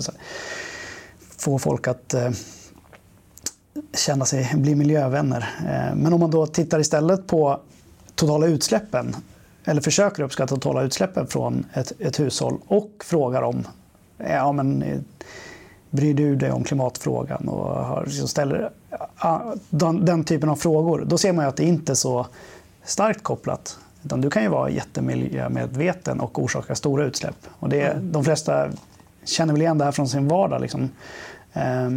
Det, det har en ganska liten effekt på dina val. Eh, Utan det är ju liksom hur mycket, dina inkomster. Man spenderar det mesta man får i lön. De flesta Vi är dåliga på att spara. Ja, det är vi ganska dåliga på att spara. Mm. Det, är nog, det är liksom bara där det kommer upp ganska bra i inkomstgrupper som, du, som folk börjar spara en andel, större andel av sin lön. Så det, och då spenderar du dina pengar så blir det utsläpp på ett eller annat sätt. Det är lite liksom, tråkigt, men så är det. Och sen såklart, liksom, var du bor. Bor du i, ett, ett hus så blir det då är det dels så är det väl chansen större att du behöver ta bilen till jobbet och så vidare, men du har också större liksom, uppvärmningskostnader. Du måste köpa en massa grejer till huset och så vidare. Så det dras, du drar ju med dig en massa konsumtion där. Eh, så det, så det har vi gjort, att liksom tittat på, på det då och försökt jämföra hur viktigt är de här eh, liksom om du är motiverad att minska utsläpp eller tycker att den här frågan är viktig jämfört med de andra frågorna. Och då, är, då är det inte så viktigt. Det som vi tittade på lite grann, men inte på, på, i den studien, då, det var ju också om liksom, eh, normer kring hur man ska bete sig. Alltså hur, hur dina vänner gör och liksom vad, vad som är accepterat i bekantskapskretsen och så. Och det verkade ha däremot effekt på liksom val av transport alltså hur man tar sig till jobbet och sånt där. Även om man kontrollerar för hur långt det är och hur mycket tillgång man har till kollektivtrafik och sånt där, så verkar det spela lite roll då. Och det är intressant. Så att vi bryr oss mycket om vad andra tycker? Ja, precis. Vi bryr oss mer om vad andra tycker än vad vi tycker själva. Ja.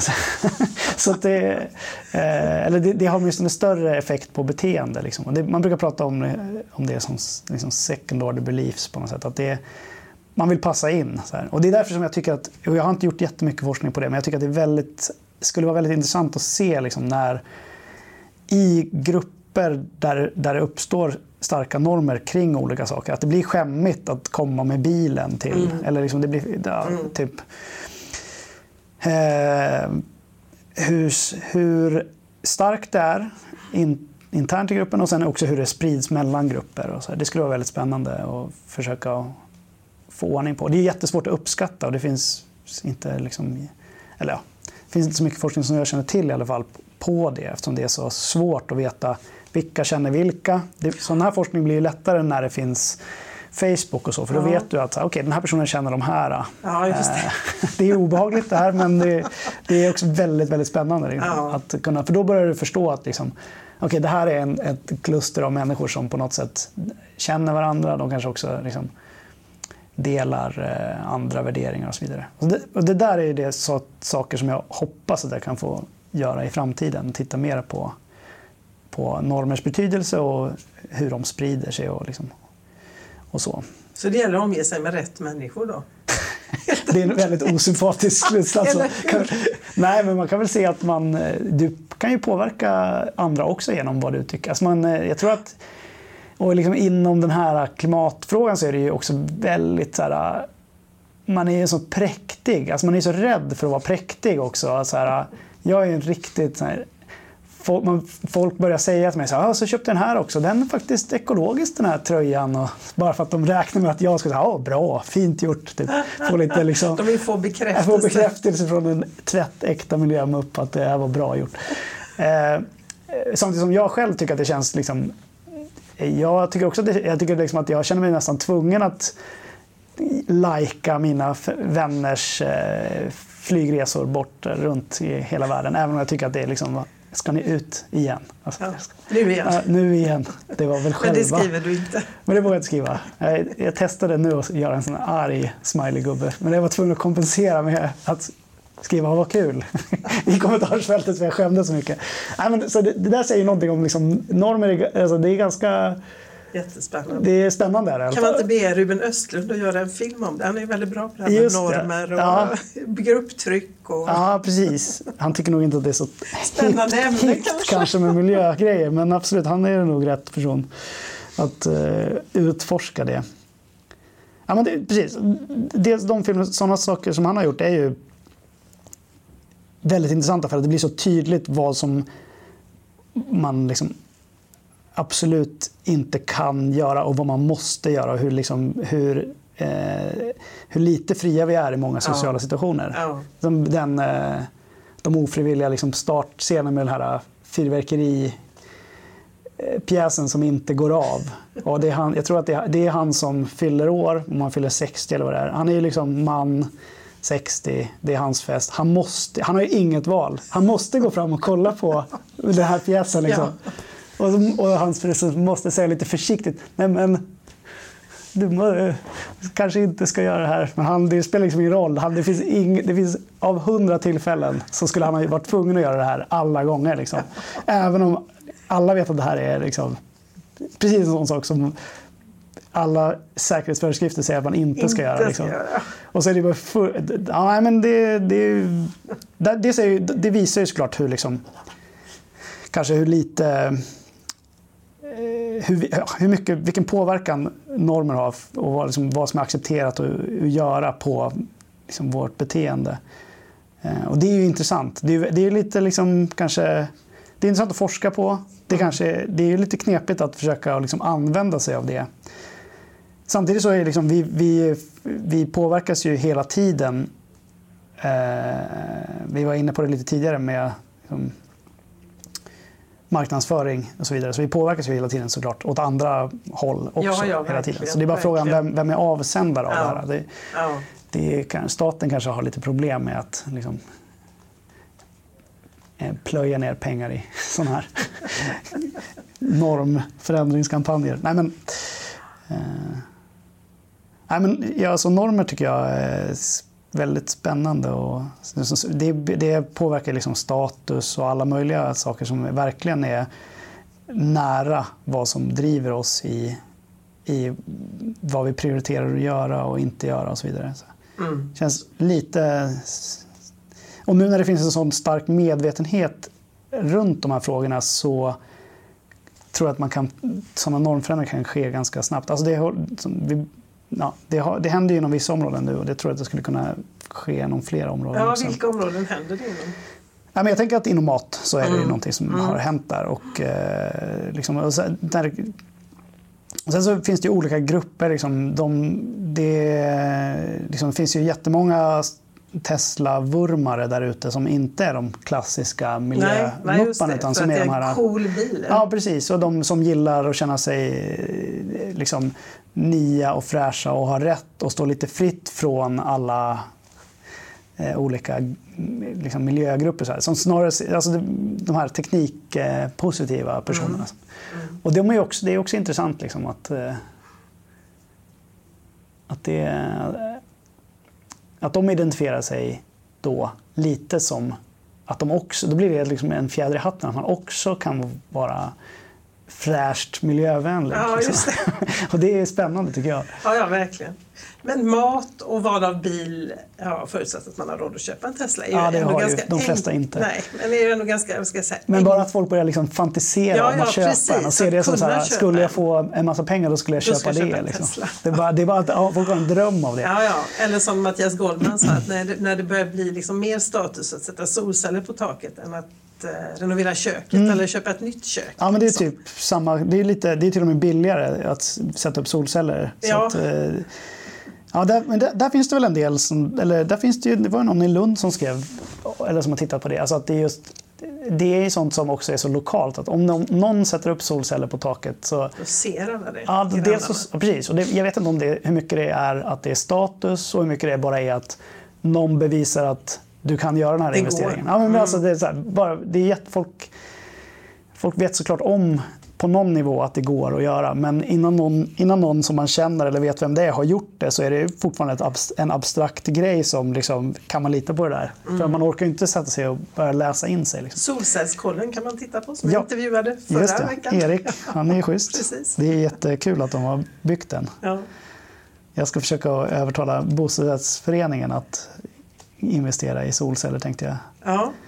Eh, Vi har ett ganska bra läge. Och sen tänker jag att, så, att eh, bostadsrättsföreningarna liksom, de kan ju ta kostnader över en lite längre tidsperiod. Så. De är vana vid att ha en underhållsplan och så vidare. Så det är, jag tycker det är lite spännande.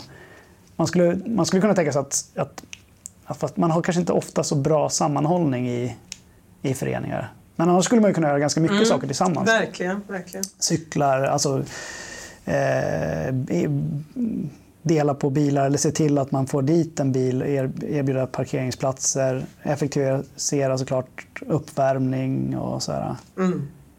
Men det betyder att det du säger nu, eller varit inne på, är ju det här att det individuella exemplet är då ganska viktigt. Vad jag gör är faktiskt ganska viktigt. Det kan ju, på, sätter jag solceller på taket till exempel, så kan det faktiskt påverka grannen att, Ja, men det tror jag. eller goda vänner att göra samma sak. Mm. Men frågan är då, knäckfrågan är, när blir det norm att inte flyga?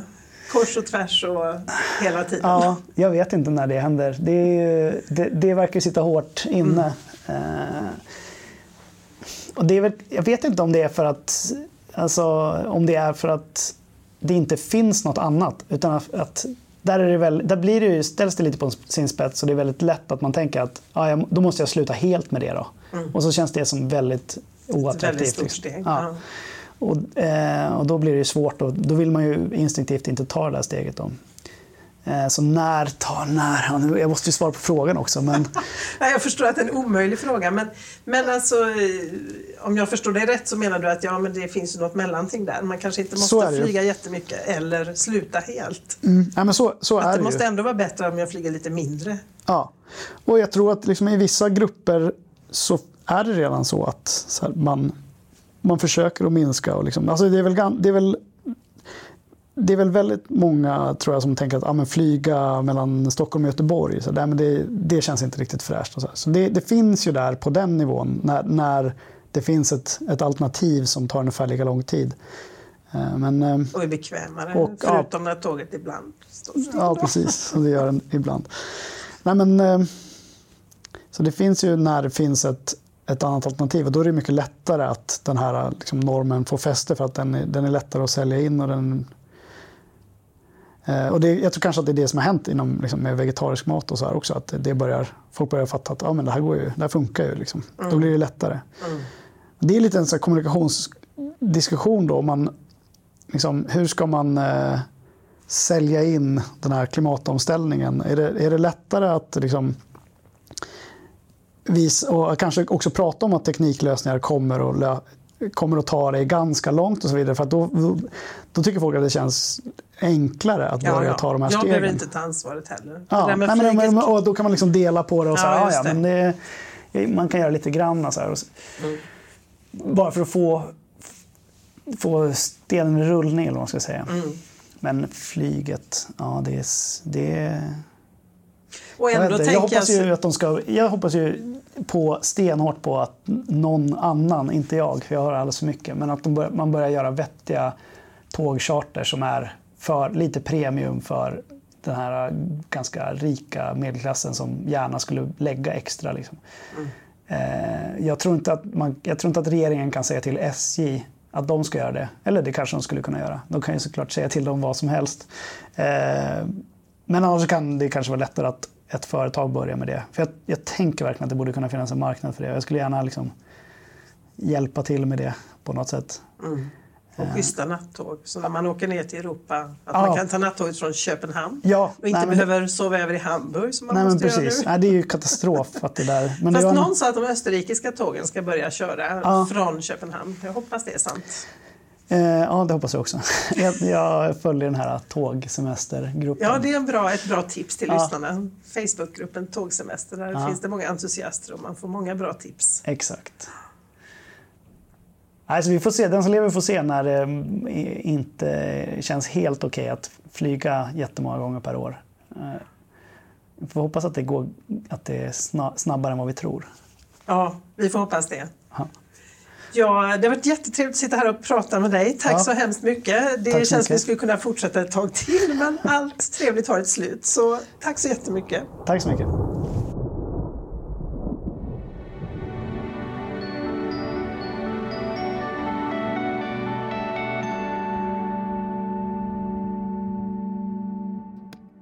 Tack för att du lyssnar på Klimatpodden som produceras av Konvoj Produktion. Gäst i dagens avsnitt var David Andersson. Signaturmelodin är skapad av Tommy Kaso. Loggan till Klimatpodden är gjord av Hannes Larsson. Mer information om Klimatpodden finns på klimatpodden.se.